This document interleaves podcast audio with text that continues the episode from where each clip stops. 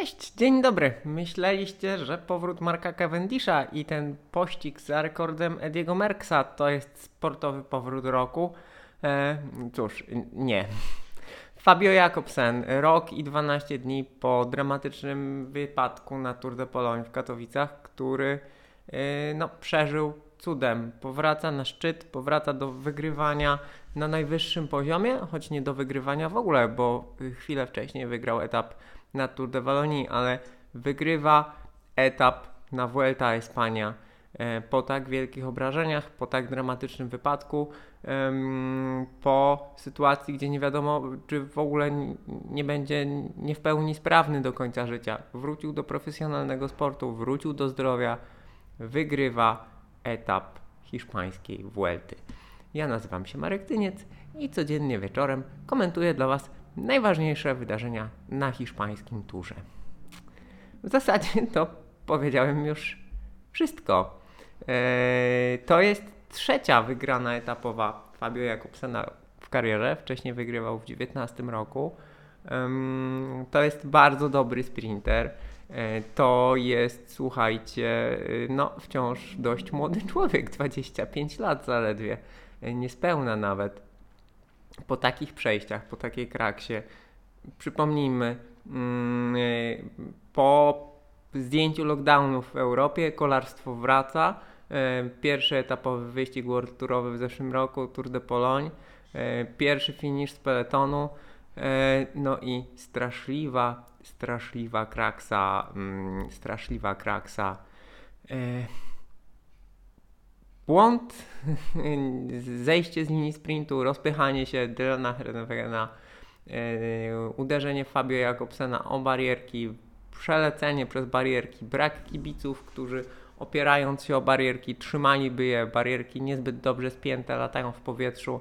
E, Jakobsen z uszkodzeniami głowy, uszkodzeniami twarzy, organów wewnętrznych. No, do tego jeszcze sędzia mety również z licznymi obrażeniami. Jakobsen tracący przytomność, reanimowany dość długo, mm, w śpiączce, potem nie wiadomo w jakim będzie stanie.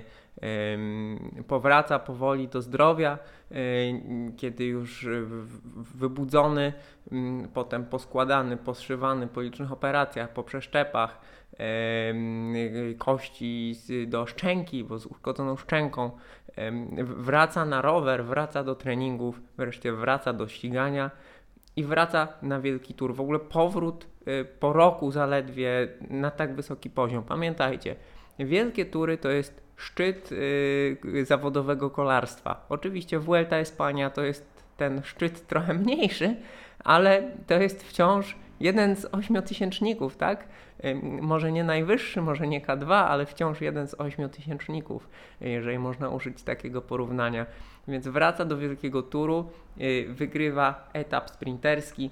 To, że on y, się nie boi, tak? To, że on y, nie nie naciska na hamulec albo nie, nie puszcza korb choćby na ułamek sekundy, bo to wszystko jest niezbędne do tego, żeby, e, żeby skutecznie zafiniszować to poza y, dojściem do sprawności fizycznej, jakby powrót do tej odwagi i odrobiny szaleństwa, które jest niezbędne dla sprinterów, y, również jest niezmiernie imponujące.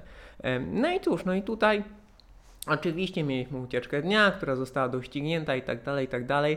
Mieliśmy bardzo dobre rozprowadzenie, rozprowadzenie ekipy, ekipy FDJ, która, grupa FDJ, która rozprowadzała Arno Demara i Fabio Jakobsen wyszedł Demarowi z koła i, i wygrał ten etap. Wcześniej próbowali coś ciekawego zrobić kolarze Alpecin Phoenix, zaskoczyć tutaj mm, rywali.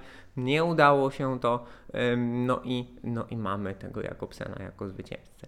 E, naprawdę słuchajcie, no to jest dowód na to, że oczywiście miał wiele szczęścia w swoim życiu, Natomiast poza tym, że miał straszliwego pecha, miał też bardzo wiele szczęścia, mm, to jest też dowód na to, jak niezmiernie zaawansowana jest współczesna medycyna i, co, mm, co jesteśmy w stanie osiągnąć, tak? No bo no, prawdopodobnie jeszcze kilka lat temu Jakobsen nawet nie tyle, że nie wróciłby do sportu, to pewnie nie wróciłby do pewne, pełnej sprawności. A teraz właśnie jest e, na starcie wyścigu tak prestiżowego i odnosi tak znakomite, piękne, wzruszające zwycięstwo. No, jest to imponujące, cóż jeszcze powiedzieć.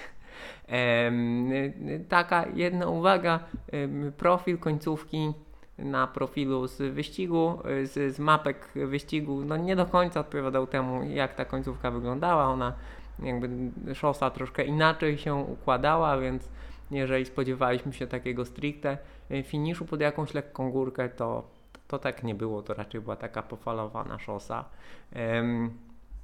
Cóż jeszcze? No i jutro mamy 180 km, płaskie 180 km.